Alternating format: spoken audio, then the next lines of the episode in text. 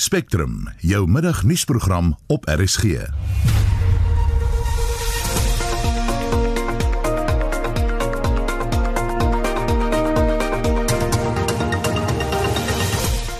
die program die aansienlike verlaging van rentekoerse met 100 basispunte word uit sekere oorde verwelkom. Leerlinge sê tuisonderrig soos wat nou landwyd plaasvind verg baie selfdissipline. Ons onderwyser het op ons huiswerkgroepies nou verskriklik baie werk gestuur met eintlik geen verduideliking nie. So, dit stres ons 'n bietjie. Want meeste van hierdie werk is nou selfstudie en dit berei ons seker regtig goed voor vir dit wat voor lê in universiteit en alles, maar ek voel voordat ons moet begin voorberei vir universiteit moet ons eers in universiteit kom. Goeiemiddag, my naam is Susan Paxton. Bykans 9 minute oor 1 jy luister na Spectrum en die monetêre beleidskomitee van die Reserwebank het eenparig besluit om rentekoerse met 100 basispunte te verminder. Die repo-koers staan nou op 4,25% en ons praat nou met Dr. Rolof Botha, ekonom van die Optimum Beleggingsgroep. Goeiemiddag Rolof. Goeiemiddag Susan. Hoekom dink jy die beleidskomitee op so 'n groot verlaging besluit? Uh hoopelik uh, is een van die redes dat hulle hulle fout agtergekom het. Uh, hulle moes dit eintlik baie lank al uh, gedoen het lank gelede ons ons het met hierdie uh, verspot streng monetêre beleid gesit terwyl die ekonomie skaars gegroei het. Uh, maar maar die hoofrede is uit die aard van die saak uit die feit dat ons uh, gaan in 'n resessie en beweeg ons kan dit nie keer nie. Maar ek dink dit is belangrik vir die luisteraars om te besef wat nou gebeur is dat in baie bedryfstakke al wat gebeur is dat jou jou uitset en jou vraag toestande word uitgestel. So dit is nie asof hierdie vir altyd gaan voortduur nie. Dit is nie asof die ekonomie heeltemal ineengestort het nie. Ehm um, daar is baie bedryfstakke wat nog ten volle funksioneer. Daar's bedryfstakke in voedselverwerking, selfs in die klein kleinhandel wat se omset gaan toeneem in hierdie tydperk. Uh dit is 'n baie lastige tydperk. Ek glo hierdie resessie sal nie baie diep wees nie en ek dink nie hy sal vreeslik baie lank voortduur nie. Maar ek wil net uh, noem dat hierdie 1% punt daling nou het die het die potensiaal om 35 miljard rand se vraag in die ekonomie los te laat. En dis presies wat ons nou nodig gehad het en ek is baie dankbaar daarvoor. Wat van mense wat van rentekoerse afhanklik is vir 'n inkomste? Ek moet nou eerlik wees, ek is uh ek het simpatie met hulle. Ehm um, my my standaard antwoord is dat uh 'n mens moet maar kyk op na jou beleggingsportefeulje, die die mengsel tussen aandele en staatseffekte en kontant in 'n geldmark. Daardie mengsel moet moet 'n mens maar die hele tyd na kyk. Ehm um, uh, 'n 'n slim beleggingsbestuurder sou waarskynlik 'n paar weke gelede um, van die aandele gekoop het wat op 'n uh, geskiedkundige laagtepunt was. Uh, ek self speel so nou dan so klein bietjie in daai mark. Ek's 'n uh, deeltydse dosent, so ek het nie baie geld nie en ek het op van hierdie aandele het ek nou uh, 200% gemaak. So 'n uh, mens moet net sorg dat mens gebalanseerde portefeulje het. En uh, soos ek die reservebank ken, as hierdie ding verby is, gaan hulle weer die rentekoerse opskuif. So hopelik is dit net tydelik vir die pensionaarsse wat te veel geld in 'n geldmark het. Sê vir my, um, kan die verlaging nog doeltreffend wees teen die agtergrond van die Grendelstaat wat alle ekonomiese aktiwiteite beperk? Ehm um, ongetwyfeld in die, in die mediumtermyn, nie in die volgende week of 2, 3 waarskynlik nie, maar onthou net dat hierso ons sit hier so in Suid-Afrika met honderde miljarde rande verbandlenings uh, waarvan die paemente elke maand betaal moet word. En daardie verbandpaement het nou saam met die laaste ene, het daai ver, verbandpaement met uh, twee volle persentasiepunte daai rente debiet het afgekom. En dit sit geld kontant terug in mense se sakke as mens daai opsie vat. Die mense wat dit kan bekostig kan hulle huise nou vinniger afbetaal. Ehm uh, maar dit dit is definitief goed vir die ekonomie want ons kan binne die volgende week of twee kan ons waarskynlik 'n stelselmatige uh, stadige verslapping van die ehm um, inperking maatreëls sien. Dink jy dit was 'n fout om die Grendelstaat met 2 weke te verleng? Nee, uh, ek dink nie dit was 'n fout nie. Ek ek ek, ek vertrou die regering se gesondheidsadviseurs uh op op op op hierdie uh, onderwerp. Ek dink dit was nodig geweest.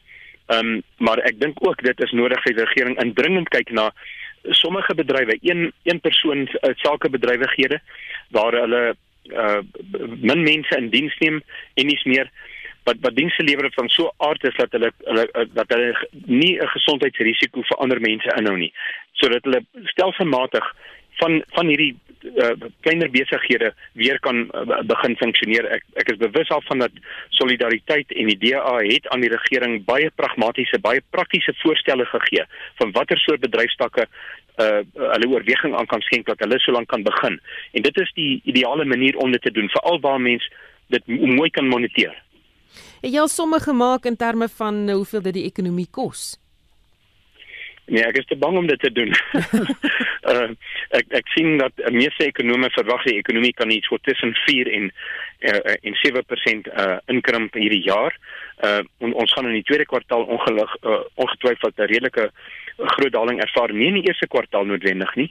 En dan hang dit af van die die tweede helfte van die jaar as ons kan begin om intaal uh as as mense bereid is uh sommige fabrieke om miskien langer skofte te werk of oortyd te werk en nie meer want as China se ekonomie weer begin groei en daar's tekens dat dit gebeur en daar's 'n groter vraag na ons mineraalprodukte en nie meer en na ons uitvoer voedselprodukte. Ons is 'n reuse uitvoerder van voedsel uh, en landbouprodukte in Suid-Afrika. Dan kan ons dalk hierdie uh, uh, resessie beperk tot miskien nader aan 'n 3 of 4% insinking en kan ons in die tweede helfte van verjaar positiewe groei aanteken. Ek dink in elk geval dit sal gebeur Baie dankie dit was Dr. Rolof Botha, ekonom van die Optimum Beleggingsgroep. Die meeste regerings reg oor die wêreld het onderwysinstellings tydelik gesluit in 'n poging om die verspreiding van die COVID-19 pandemie te bestry.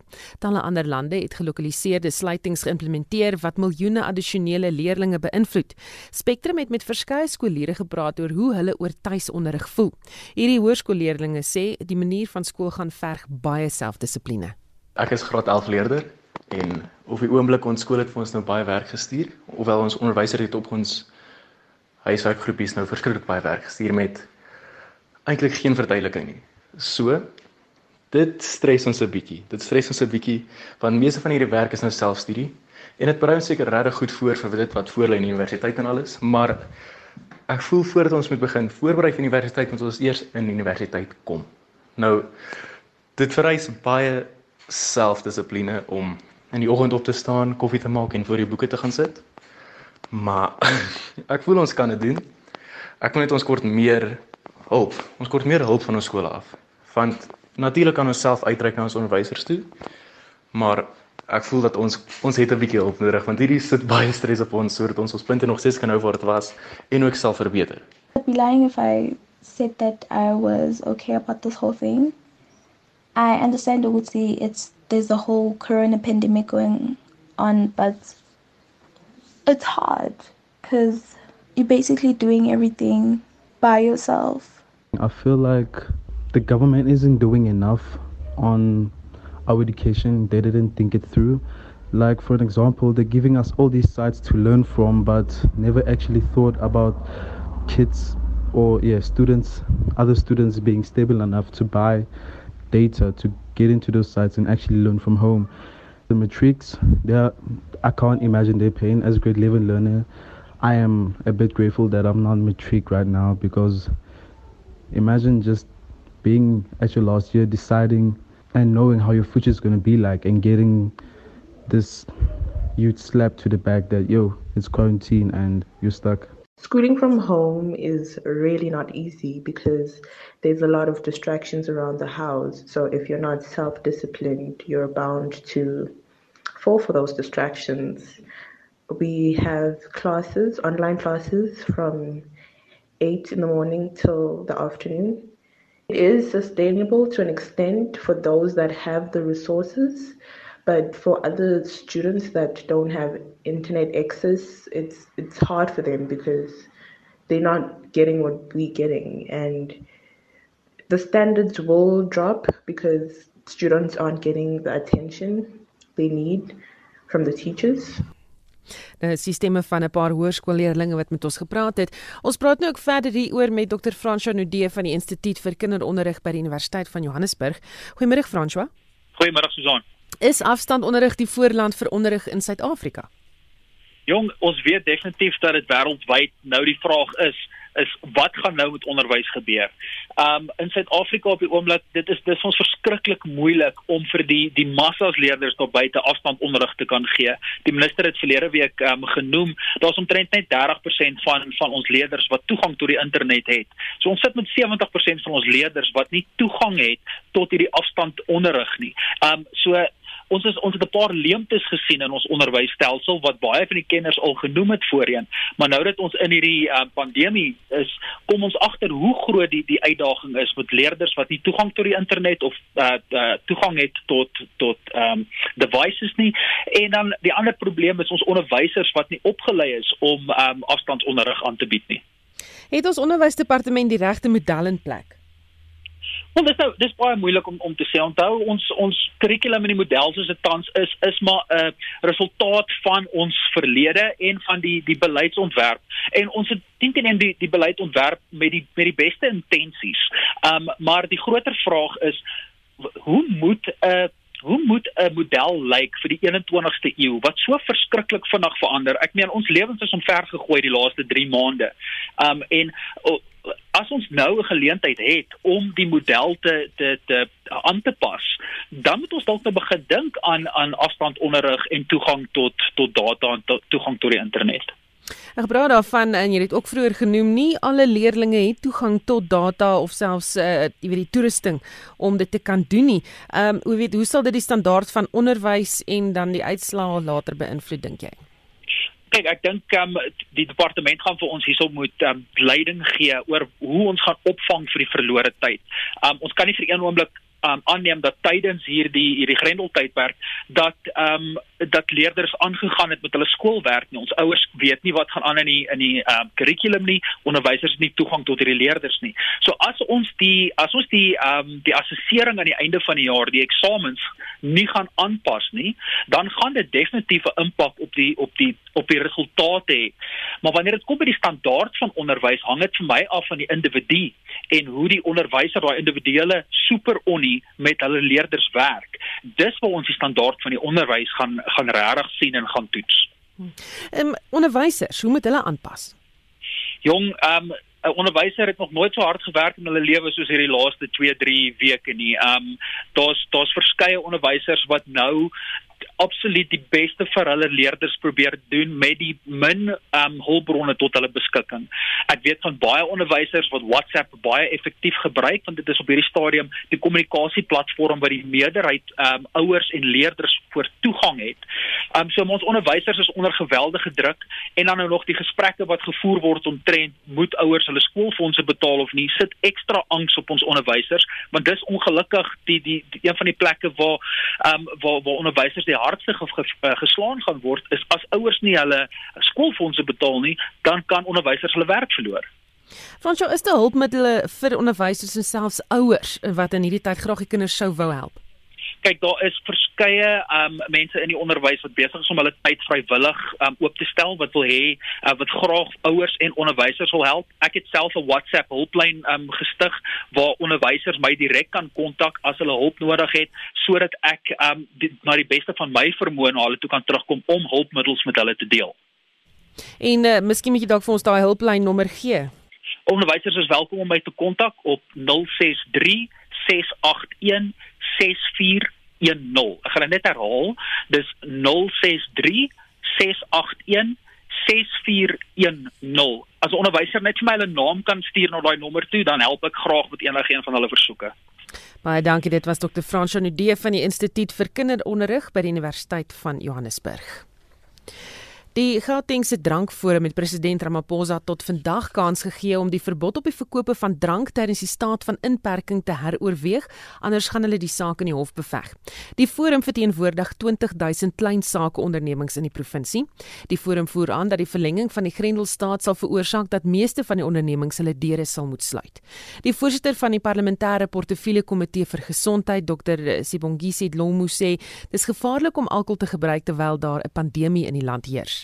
It is the behavior of the citizens, not so much of the virus, that will determine the difference on this pandemic that we face. Therefore, we call all our South Africans to play one's contribution into this matter.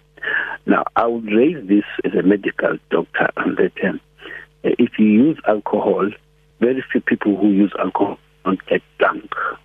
Now, alcohol, the way it works, it affects the central nervous system. That once you drunk, your level of sobriety and your level of judgment, and the sense of judgment, diminishes significantly for the space, environment, and time where you find yourself at. Now, during this lockdown period, we cannot afford to have citizens whose sense of judgment can be impaired by alcohol. It needs all of us. Blomo sê die stryd om mense gesond en lewend te hou weeg nou swaarder as ekonomiese oorwegings. We look at the experiences of other countries. Take Italy for example. When they delayed their lockdown because they were prioritizing economic activities, it's a huge sacrifice. To shut down your economic activity in the country. But we just have to do a balancing effect, Presley. What is it that we are actually doing? We are balancing between economic activities and the loss of life. You can't replace the other. You just have to. So it's unfortunate, but that is how the reality is that if you delay you're not only going to be like South Africa, where we see one or uh, two deaths per day, which is something that we, we still really mourn, one or two deaths per day, and uh, about 80 new infections. You see 2,000 deaths per day in New in New York. You see 600. You know, in Italy they had 600 deaths for three consecutive days. It's an unbelievable story. Die Gautengse drankraad beam dat drank nie in die staat van inperking verkoop moet word nie. Die voorsitter van die raad, Fendezani Pandelani sê as die regulasies oor drank verslap word, verwater jy die res van die regulasies ook. I think in the main, my view is that they should stay.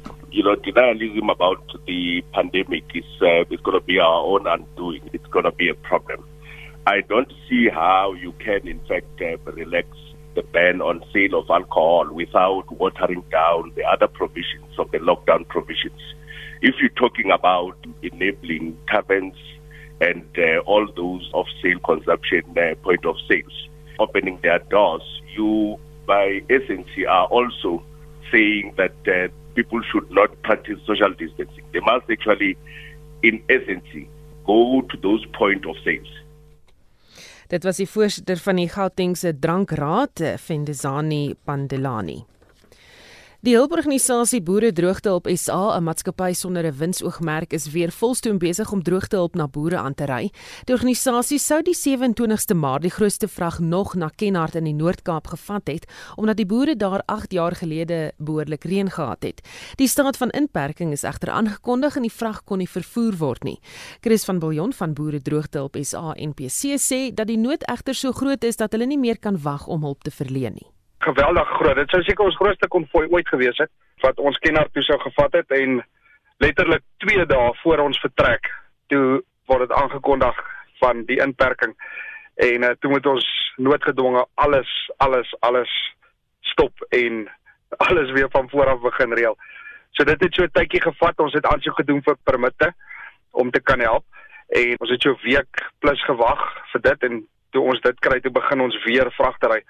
Ons eerste vrag het ons laasweek gery na boere toe in Aberdeen omgewing en toe het ons ook Saterdag begin ry om die Kenhardt aflaai te doen. So wat ons nou gaan doen is ons gaan so stuk stuk die trokke stuur om daar af te laai.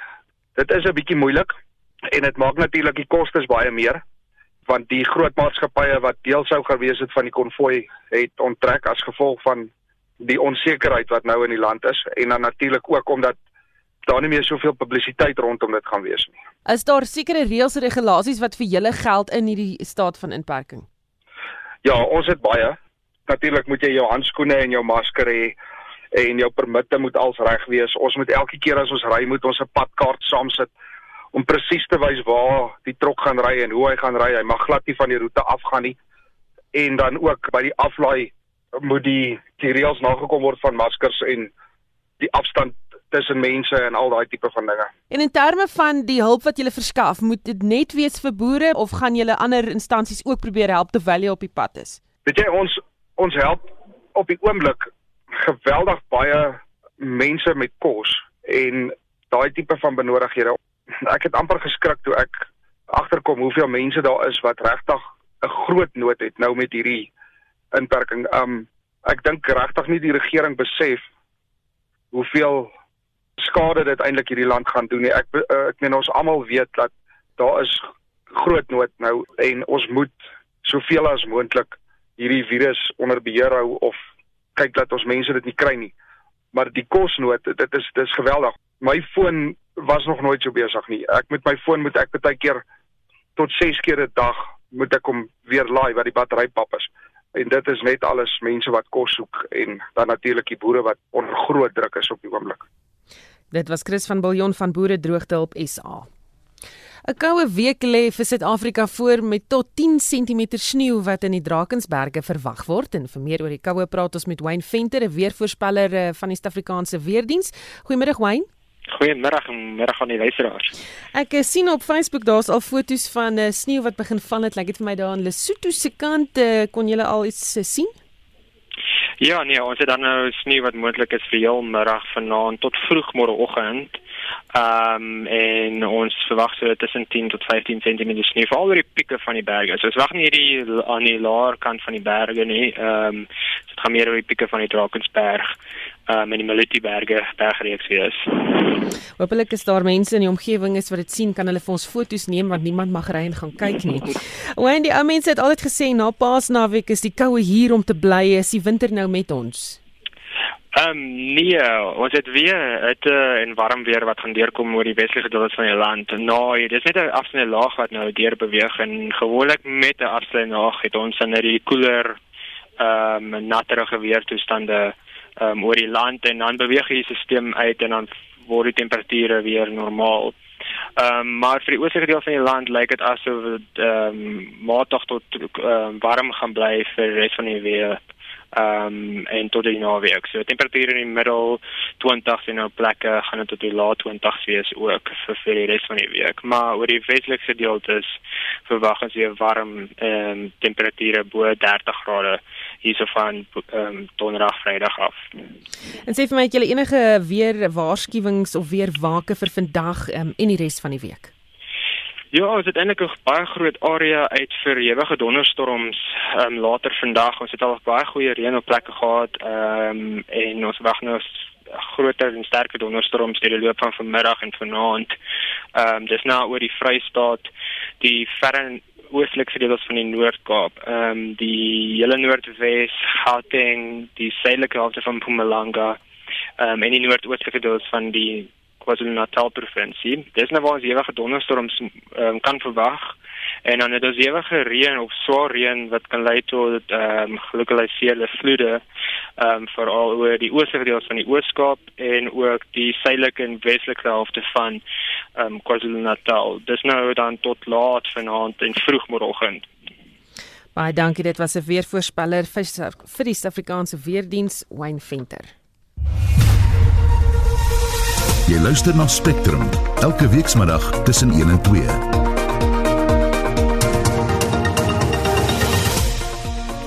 In die program die monetêre beleidskomitee van die Reserwebank het eenparig besluit om rentekoerse met 100 basispunte te verminder. Die repo koers staan nou op 4,25%. Versame die laaste ene het daai verbandpaaiement met twee volle persentasiepunte afgekom. En dit sit geld kontant terug in mense se sakke as mens daai opsie vat. Die mense wat dit kan bekostig kan hulle huise nou vinniger afbetaal.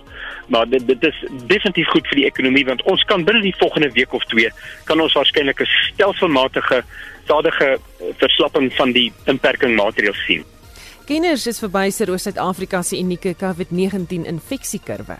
So we need to be a bit cautious. Certainly the lockdown has probably dampened community transmission, but it's unlikely we actually have impacted uh, the number of cases to the extent that those sort of graphics illustrate.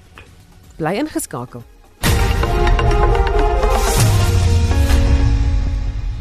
So 1333 jy luister na Spectrum. Daar is nou reeds meer as 2272 bevestigde gevalle van COVID-19 in die land. 27 mense is dood en sover is net meer as 83000 mense getoets. Wêreldwyd is daar reeds meer as 1,86 miljoen gevalle van COVID-19 aangeteken en 115000 mense is dood. Volgens die minister van Gesondheid, Zweli Mkhize, verskil Suid-Afrika se tempo van infeksies geheel en al van dit wat voorspel is. Suid-Afrika se infeksie infeksiekurwe is so uniek dat meeste kenners verbuister is oor wat hier gebeur. Mgies het vroeër gesê dat die Grendelstaat 'n groot bydrae lewer tot die afplatting in die infeksiekurwe, maar een van die adviseurs van die minister en professor in medisyne aan die Universiteit van die Witwatersrand, Shabir Madi sê, mense moet versigtig wees hoe jy die statistiek interpreteer. I think we need to be careful in the manner in which we interpret the data, and it's impossible to make head-to-head comparisons of what's transpiring in South Africa compared to any other country. The main reason for that is essentially it's one of testing and testing at scale. So as an example, in South Korea, when they implemented extensive social distancing, they were testing roughly about 15 to 20,000 people per day. In South Africa, the reality is that throughout the period of the lockdown until Friday, we were testing less than 1,000 individuals per day.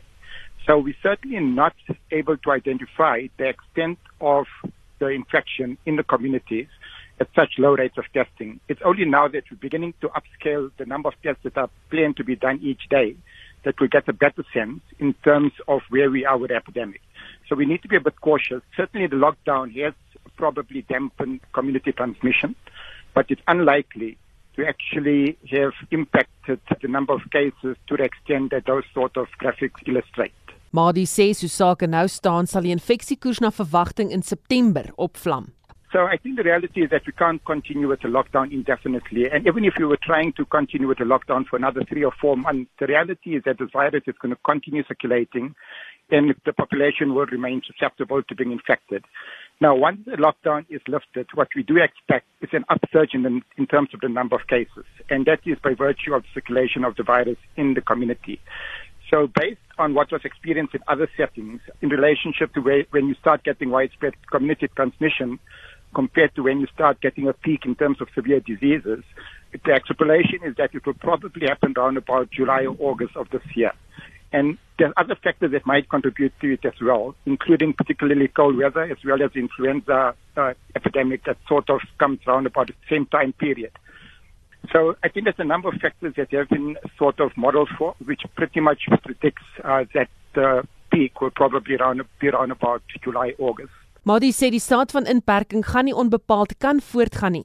Die vraag is egter of Suid-Afrika gereed gaan wees om die krisis wat gaan volg weens COVID-19 te kan bestuur. Uh, that's correct. The reality is that the lockdown is costing us 13 billion rand a day. The five-week lockdown period will cost us just close on to under half a trillion rand just for the lockdown. So it's impossible to continue with the lockdown indefinitely. Uh, but basically what it tells us is that irrespective of how long we continue with the lockdown, the virus is still going to be circulating in the country. And the reality is that the only time there's going to be a dampening in terms of the circulation of the virus is when we start developing herd immunity, which basically translates into when roughly about, roughly about 60% of the population are either infected or have been vaccinated against the virus. We know that the vaccine is not anywhere on the horizon for the next two years at least. So what we really left with is trying to uh, establish herd immunity by virtue of natural infection. And what the lockdown is trying to do is sort of manage the manner in which that herd immunity starts evolving rather than having it over a very short period of time, which will see a massive upsurge in terms of the number of severe disease cases, we're trying to get sort of spread it out over a longer period of time. But the reality is that the lockdown has to come to an end, and we need to really just try to manage the manner in which the sort of uh, herd immunity evolves in the communities. En dit was 'n adviseur van die minister van gesondheid en professor in medisyne aan die Universiteit van die Witwatersrand, Shabir Madi. Ons beweeg na die sportveld hier Shaun Jooste. In rugbynuus. Volgens berigte in die media kan Suid-Afrikaanse rugbyspelers tot 40% van hul salarisse moet prysgee om die effekte van die koronaviruspandemie op die Suid-Afrikaanse rugbyunie te verminder. Die My Players uitvoerende hoof Eugene Henning sê inkomste sal die persentasie bepaal en dit is moontlik dat sommige spelers niks sal verloor nie. Daar was ook berig dat Saru tot 200 miljoen rand kan verloor indien alle rugbyaktiwiteite vir die res van die jaar gekanselleer word. Sansa het hulle Suid-Afrikaanse Super Rugby 15-tal van die dekade bekend gemaak en die Lions loskakel Elton Jantjies as die beste Suid-Afrikaanse speler vereer. Die Lions het 6 spelers op die lys gehad wat Melke Marx, Franco Mostert, Warren Whiteley, Kurt Nalskosan en Andries Kutsie ingesluit het. Die Stormers se Steven Kitsoff, Frans Malherbe, Pieter Stefte Toy, Sia Kolisi, Dylan Leeds en Damian Dalende was ook op die lys, terwyl die Sharks deur Jean-Luc Depree en Louis Schreder verteenwoordig word. Jesse Kriel is die enigste boelspeler op die lys. Laastens in sokkernuus, die Engelse klub Tottenham Hotspur het aangekondig dat alle nuutspelende personeel hul volle salarisse vir April en Mei sal ontvang. Hulle sal lone met 20% sny, maar het baie kritiek ontvang en daarteen besluit. Die uitvoerende raad sal wel loonverlagings vir die volgende 2 maande hê. Dit was eh, Shaun Jooste van RSG Sport.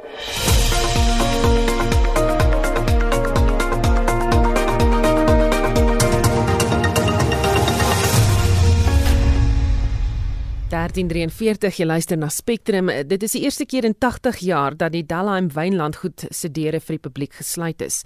Dalheim se deure is ook al langer as wat die staat van inperking aan die gang is gesluit weens 'n geval van COVID-19 wat op die plaas aangemeld is nadat 'n groep toeriste uit Nederland die plaas besoek het. Dalheim se Nora Thiel sê die uitbreek van die pandemie het die, die lewe op die plaas onherroepelik verander.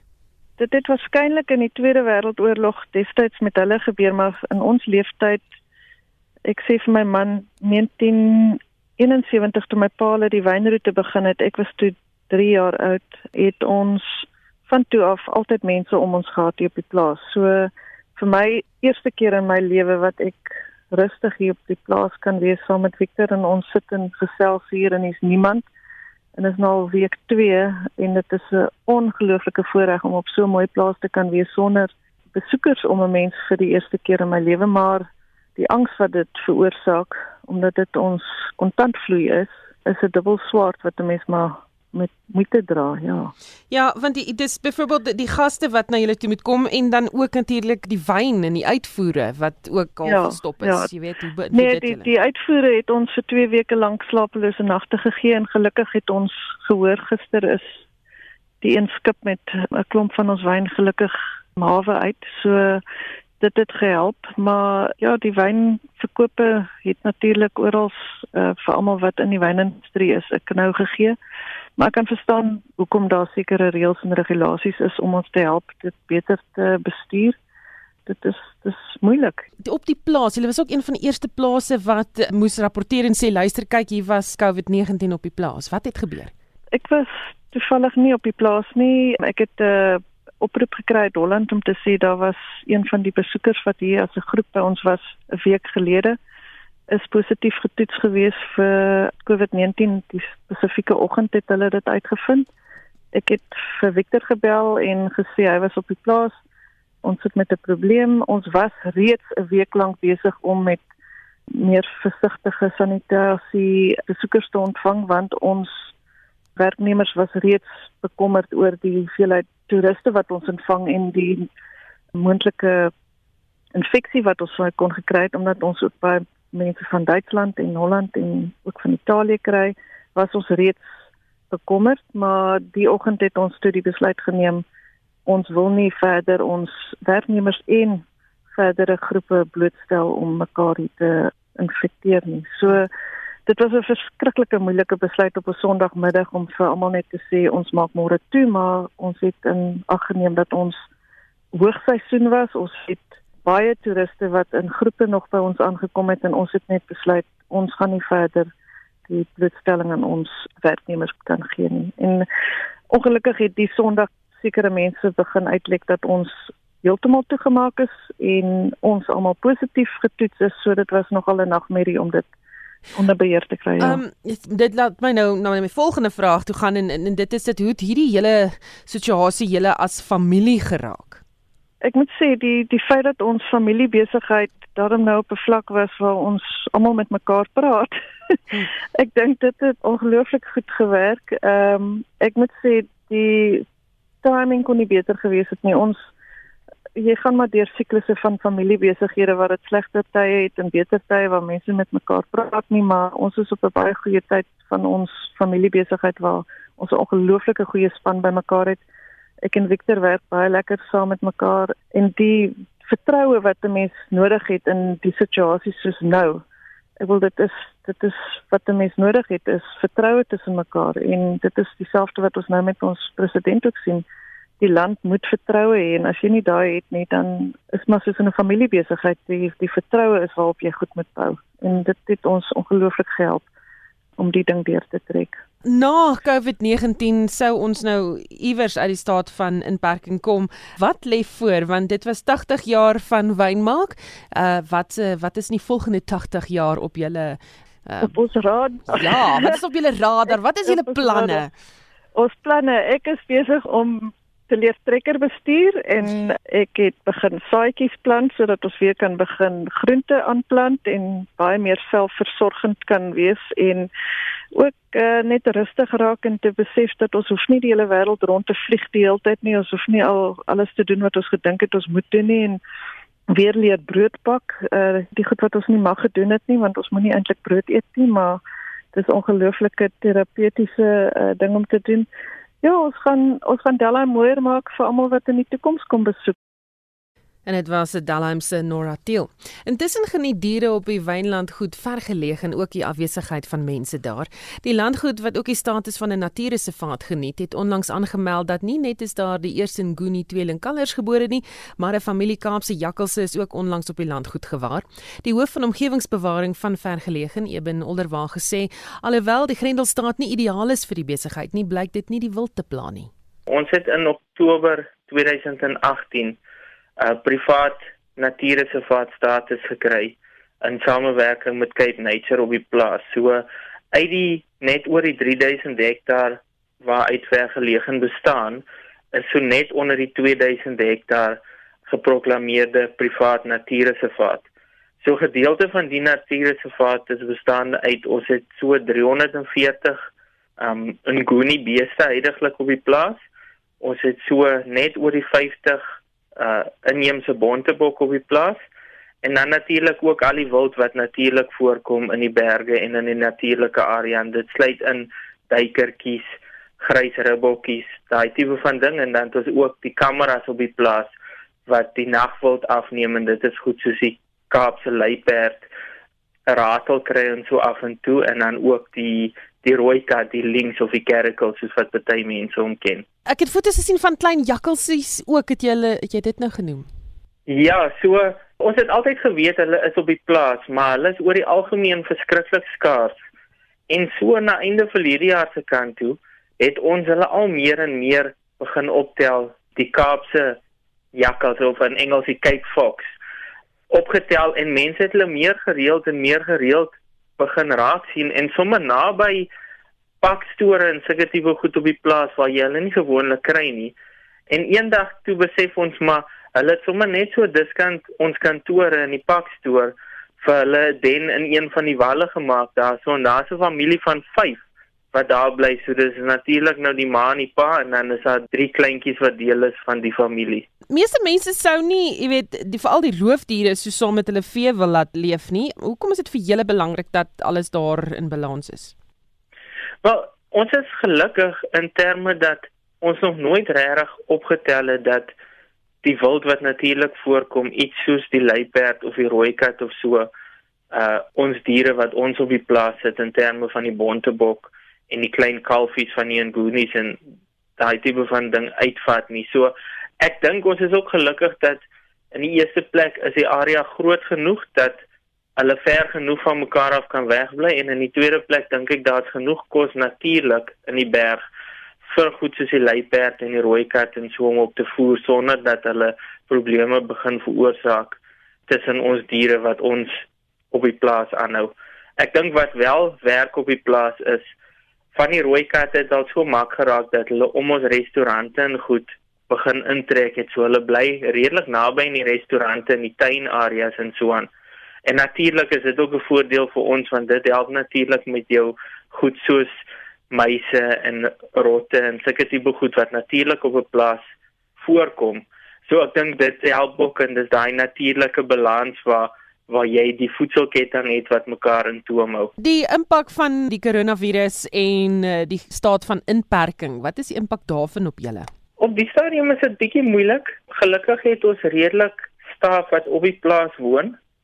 So die daaglikse belangrike take kan op die stadium nog voortgaan deurdat jy gelukkig mense het wat basies geïsoleerd is op die plaas. Die wat buitekant bly op die stadium is ook ongelukkig op lockdown heidaglik. Ek self moet op die stadium van die huis af werk tensy dit regtig nodig is om in te kom plaas toe.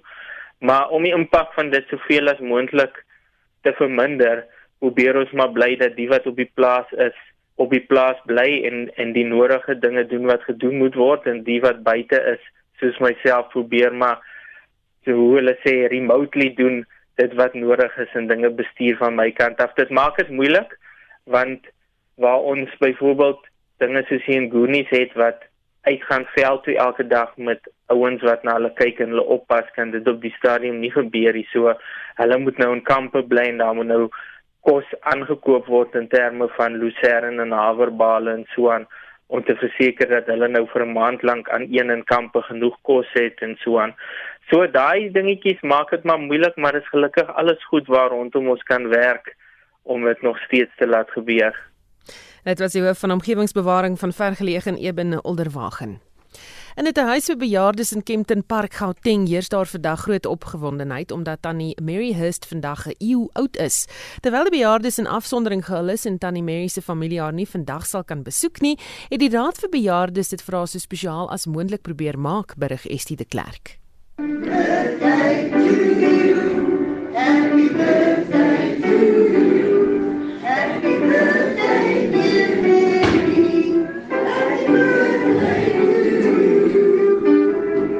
Sari Skeepers is die leefstylbestuurder vir die Raad vir Bejaardes in Kempton Park en het sommer vinnige plan beraam om dit vir Tannie Mary wat nie meer kan sien nie, so spesiaal as moontlik te maak. En weet jy ons het regtig gedink om dit so spesiaal as moontlik vir haar te kan maak.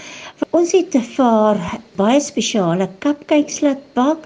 Ons het vir haar gesing en ons het vir haar 100 kersies gegee wat sy kon kyk daarna sy sal hulle nou nie kan doodblaas nie, maar dit is daar vir haar. Ons het vir haar 'n paar geskenke gegee en weet jy, elke persoon hier by ons hier by die raad is baie baie spesiaal. En ver oggend het ek net gedink vir Tannie Mary Hurst wil ons dit so spesiaal as moontlik maak. So al die inwoners in ons residensie fasiliteit is almal ver oggend baie opgewonde daaroor en dan ook die personeel ook. Die ouderdom het so 'n klein bietjie opgevang met Tannie Mary en hoewel sy steeds met haar maats in die huis en van die personeel skerts, was sy vanoggend stiller as gewoonlik. Can you tell me, are you happy you're a 100 year old today? Oh, you think it? Yeah, are you happy about it? Um, deaf, deaf, deaf. You look beautiful today. Haar suster se dogter, Rochelle Curry, vertel tannie Mary haar lewe lank in Port Elizabeth gewoon, waar sy in 'n skoenfabriek gewerk het en later as die bestuurder afgetree het.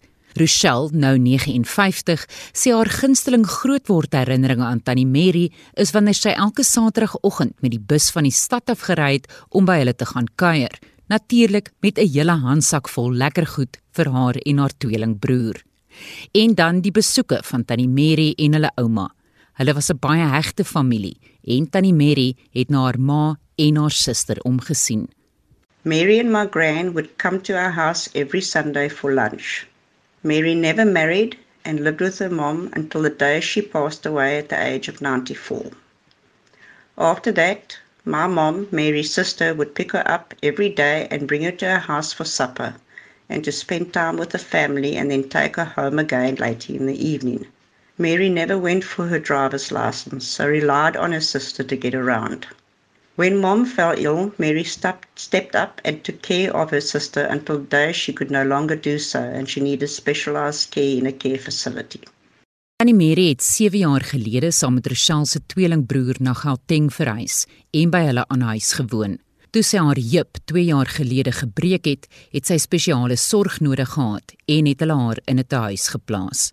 Tannie Marie Borman is haar kamermaat. Toe sy hier gekom het, kon sy loop. Sy het daai wielietjie geloop, gebreekte heup, geloop, gestoot, gaan self toilet toe in die aand sonder ligte, alles self gedoen. Tot omtrent seker jaar na af toe vat uh, Gesie die dingetjie weg. Dat sy te bang sy gaan val. Lief, baie erg oor haar familie. Vreeslik sy kan oor alles praat, sy kan jou alles vertel. Rochelle sê tannie Mary het ongelukkig nooit haar geheim om so oud te kon word verklap nie en sy wens hulle familie kon vandag saam met tannie Mary deurbring. Mary has lived through so much and seen many things in the last century. The Great Flu, World War II, and now the coronavirus. We would like to wish Auntie Mary a very happy birthday from all her family and are really sad that she has to spend this very special day without her loved ones due to the coronavirus. We all love her so much.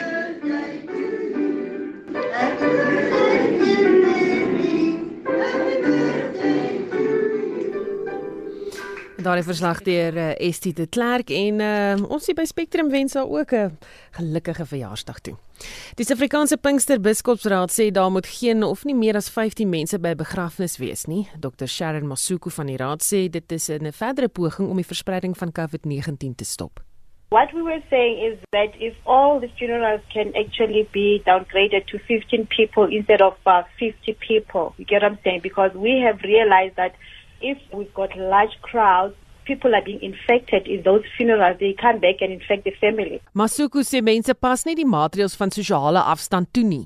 People don't want to do the, the social uh, distancing and all that. It, was, it is of no use for us to say we're going to bury. Yes, I know we're going to swallow a, a bitter pill, all of us, because everyone would want to have closure. But it would be better for us to protect ourselves at this present moment. En dit was Dr. Sharon Masuku van die Suid-Afrikaanse Pinksterbiskopsraad. Dit was 'n Spectrum vanmiddag met ons uitvoerende regisseur Wessel Pretoria, se redakteur Hendrik Martin, ons produksieregisseur Lewona Bekes. My naam is Susan Paxton. Geniet jou middag.